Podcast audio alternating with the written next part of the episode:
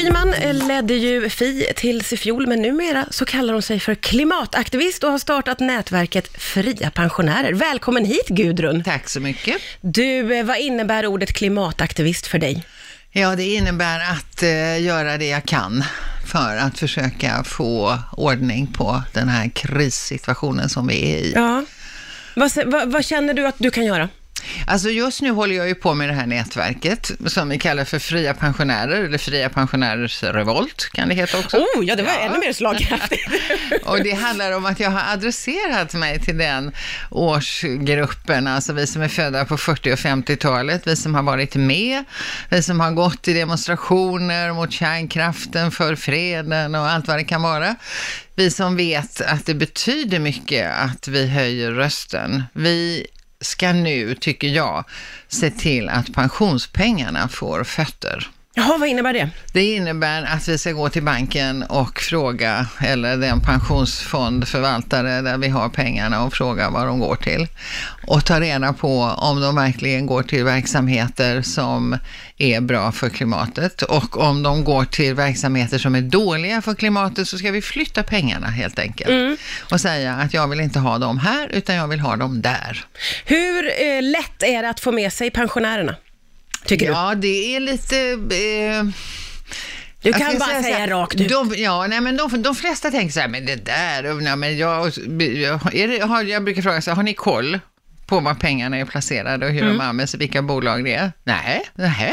Och varför inte det då? Nej men det är ju, verkar så besvärligt och det verkar så där och pensionen överhuvudtaget är så bökigt och man förstår ingenting. Man orkar inte det finns en hög tröskel där. Men Mm. när man berättar då, jag berättar att utav de hundra största miljöbovarna som släpper ut mest, och då handlar det om drygt 70 procent av alla utsläpp, så ägs de företagen i väldigt hög grad utav pensionsfonder Mm. som simmar runt i den här eh, i de här verksamheterna där man eh, köper och säljer och där man har hög avkastning så fort som möjligt som rättesnöre och ingenting annat. Och då är det väldigt många företag som finns i de här fossila verksamheterna. Eh, Och det- får, får du pensionärers uppmärksamhet Ja, när du liksom... det får jag. Vet ni om att Ja. era pensionspengar används till och så vidare? Ja. Så, jaha, är det så? De används också till eh, eh, att köpa upp eh, nedslitna områden i eh, attraktiva storstäder och man monterar ner, man bygger upp stort, snyggt, vråldyrt, ingen har råd att bo där. Och så säger de nej, men det var heller inte meningen, utan bostäder är numera ett investeringsobjekt. Eh, Så att det är inte tanken att någon ska bo där. Och det innebär att våra pensionspengar används till att stöta ut andra människor som inte som blir bostadslösa runt om i världen. Så det är massa sådana här fakta som man behöver presentera och sen säga att det är bara att gå iväg. Det är bara ring banken, gå till banken. Just det. Knuffa- Eh, och knuffa kräv pengarna, eller kräv papperna på bordet. Vi måste låta pensionspengarna få fötter helt enkelt, så att pengarna, investeringarna används till att komma till rätta med klimatkrisen. Och det går ju inte att prata om eh, klimataktivister utan att nämna en viss Greta. Eh, vad säger du om hennes resa som ju, alltså det är ju ett år sedan hon Ja. satte sig ensam. Ja. Eh, och nu har hon skapat en, en rörelse över hela världen. Ja, det är fantastiskt. Det var väl fyra miljoner människor ute förra fredagen Ja. och jag hoppas det blir ännu flera nu på fredag, imorgon faktiskt. Och det är, ju, det är ju så att när man gör saker så händer det ju någonting och det skapar en rörelse och fler ser att det är möjligt. Även om man som hon börjar ensam med ett litet plakat utanför riksdagen så kan det åstadkomma väldigt mycket. Och eh, nu, de är ju också väldigt tydliga i de här, alltså de unga Friday for Future, att de, de, de ber ju alla att vara med. De vänder oss ju också till oss som de kallar för vuxna. Och det, jag kan inte se att det finns någon ursäkt för någon att eh, ställa sig vid sidan av. För att Eh, eh, läget är akut. Ja men precis, en, en kritik som ibland kommer från yngre eh, klimatkämpar är ju att den äldre generationen inte skulle bry sig och så. Vad, säger, vad säger du om det? Ja, men jag tror att det är eh, en eh, felsyn helt enkelt. Och jag tror att det gäller därför att komma på saker som man kan göra, som vi, vi har makt och möjlighet att göra. Och en sån sak är ju just pensionspengarna, pensionsfonderna.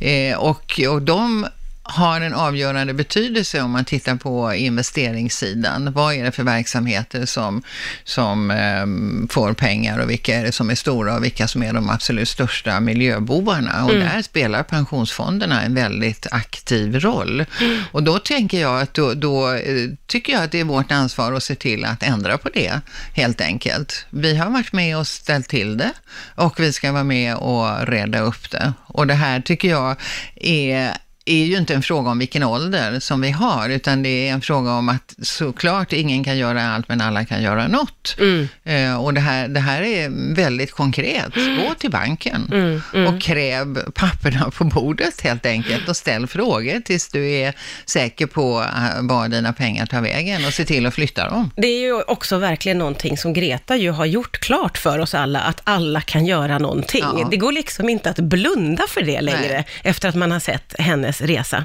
Men jag måste få fråga dig, för i morse så kom nyheten om att Sverigedemokraterna är eh, det näst största partiet nu och bland män det största partiet i Sverige. Vad tänker du om det?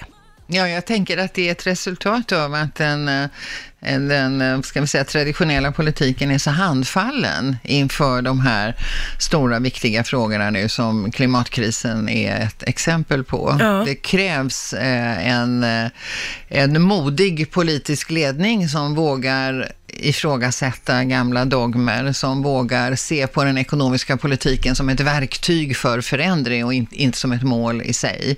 Som vågar ifrågasätta idén om ständig tillväxt i, i termer utav ökad bruttonationalprodukt som bygger på ökad ständig materiell konsumtion. Det här idén, det går inte. Vi kan inte vara herrar över jorden utan vi måste acceptera och bejaka att vi är en del av. Mm. Och då måste vi hålla oss innanför de planetära gränserna. Och det kräver ett nytänkande som ju ännu inte har nått den etablerade politiken. Den när, har inte nått Sverigedemokraterna nytänket... heller, ska vi säga, för de lägger verkligen ingen sån politik. Men det de fångar upp är ju ett missnöje då som många känner med den så kallade etablerade politiken. De mm. är ju ett anti-etablissemangsparti mm. kan man säga. Eh, och, och, och i, i den här gapet mellan till exempel regeringspolitiken och verkligheten, som ju då består också utav den här mångmiljonhövdade rörelsen för klimatet. I det där glappet så frodas nationalistiska rörelser, konservatism, militarism, eh, angrepp på eh, mänskliga rättigheter och så vidare. Och det har vi sett i många andra länder, mm. både i Europa och i andra delar av världen och nu ser vi det också i Sverige. Mm. Hur ser du på framtiden vad gäller klimatet och, och om du ska liksom Ja, jag brett. ser ju på det, jag, jag ser den här situationen som en möjlighet till att eh, tänka om för många. Det är en nödvändighet, men det är också en möjlighet att faktiskt göra det. För mm. vi, står, vi står här nu och det finns ingen väg tillbaka. Vi mm. har kunskapen, vi har alla vetenskapsrapporterna, de liksom läggs på hög och nu måste det göras saker och det som ska göras måste göras på ett helt annat sätt än vad man har gjort tidigare. Mm. Och det är ju en öppning för ett annat systemtänkande än det vi har haft hittills. Och det tror jag kan engagera väldigt många. Mm. Det, det, min farhåga just nu det är att politiken bromsar för att man är så van att köra på i gamla spår mm. och, och för, förstår inte att se på helheten. Vad krävs för att komma loss ur de där gamla spåren? Att många höjer rösten helt enkelt. Mm. Det, nu har vi ny, de, nya demonstrationer imorgon, fredag, ja. Eh, med globala strejker. Här har ju fackföreningsrörelsen varit väldigt ljum, får man säga. Mm. Men nu mm-hmm. såg jag på mm. vägen hit att ja. Unionen uppmanar sina, fack, eh, sina medlemmar att gå ut. Ja, och jag, okay. jag tror att de, de gamla traditionella, både partier och folkrörelser, facken och så vidare, de måste våga mycket mer ja. och de måste börja röra på sig.